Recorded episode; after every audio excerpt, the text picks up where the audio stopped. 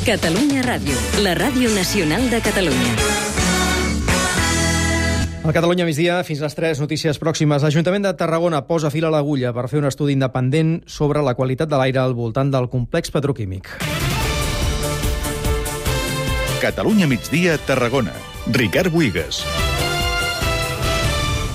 De fet, aquesta era una de les promeses que va fer Esquerra Republicana amb la CUP, amb l'actual legislatura. Avui han començat a concretar les coses. Clara, el més important és que l'informe inclourà els pics de les possibles substàncies perjudicials per la salut. Sí, és el que sempre han reclamat els grups ecologistes. Tret de l'informe que impulsa l'Ajuntament del Morell, la resta de treballs només es fixen en les mitjanes que gairebé sempre queden per sota de l'índex permès.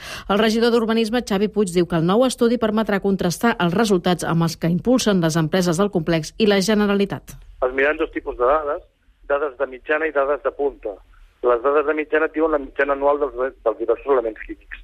Les dades de punta diuen si en algun moment es, es produeixen pics que puguin ser nocius per la salut. És una mesura fiscalitzadora que fem com a capital del territori i també des de la representació de la ciutadania, però no tant o no gens per anar en contra de la indústria, al contrari, per anar-hi a favor, però d'una indústria que sigui plenament responsable amb el territori que l'acull.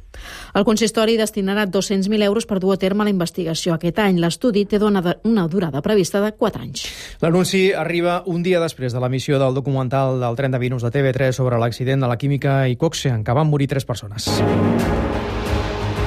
Inclou testimonis com el d'un dels bombers, Bartolomé Mellado, que treballava a l'empresa a la tarda del 14 de gener del 2019. Era com un malson i morir-me eh, hagués sigut com el despertar, acabar el malson. I l'únic que desitjava era això. Bueno, si has de morir ara, que sigui ràpid. Va ser el 2020. El documental posava també sobre la taula el debat sobre la falta de seguretat i la comunicació en cas d'emergència, així com el de la qualitat de l'aire a la zona d'influència del polígon petroquímic.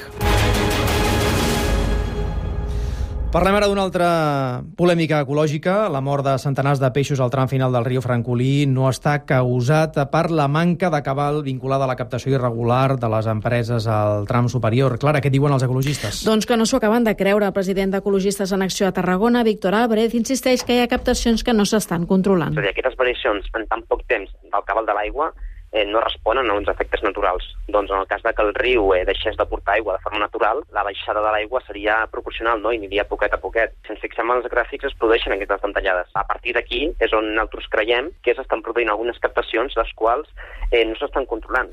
L'Agència Catalana de l'Aigua s'ha compromès a fer un estudi de totes les concessions d'aigües associades al riu per a determinar si es fa un bon ús de l'aigua.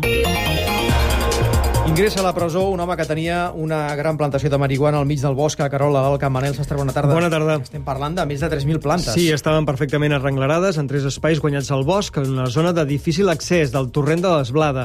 Una trucada va alertar els Mossos d'Esquadra que van acabar detenint un home d'uns 30 anys per un possible delicte de tràfic de drogues. L'home que va intentar fugir quan el van descobrir vivia en una antiga masia pròxima. El detingut ha acabat ingressat a la presó després de passar a disposició judicial. Fa tres setmanes ja es va desmantellar una altra plantació similar al mateix municipi amb més de 6.000 plantes intervingudes en una operació que també va acabar amb quatre persones detingudes i empresonades.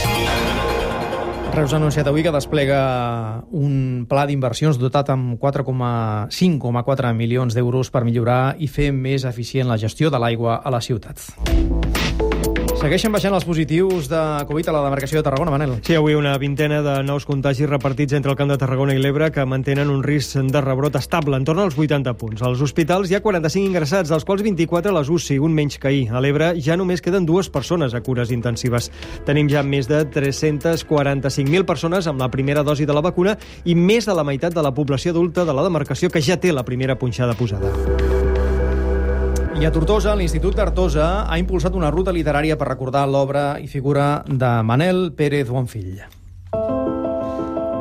L'escriptor va estar exercint de professor durant més de 40 anys en aquest centre. De fet, la ruta neix del treball de recerca d'un alumne de l'institut, l'Anna Tomàs. La directora del centre, Francina Prades, destaca el paper de Pérez Bonfill a l'institut. A banda de les seves dimensions polítiques i literàries, té una dimensió docent. Va ser la persona que va implementar projectes tan importants com el teatre, que per al nostre centre és un dels pilars del nostre projecte educatiu.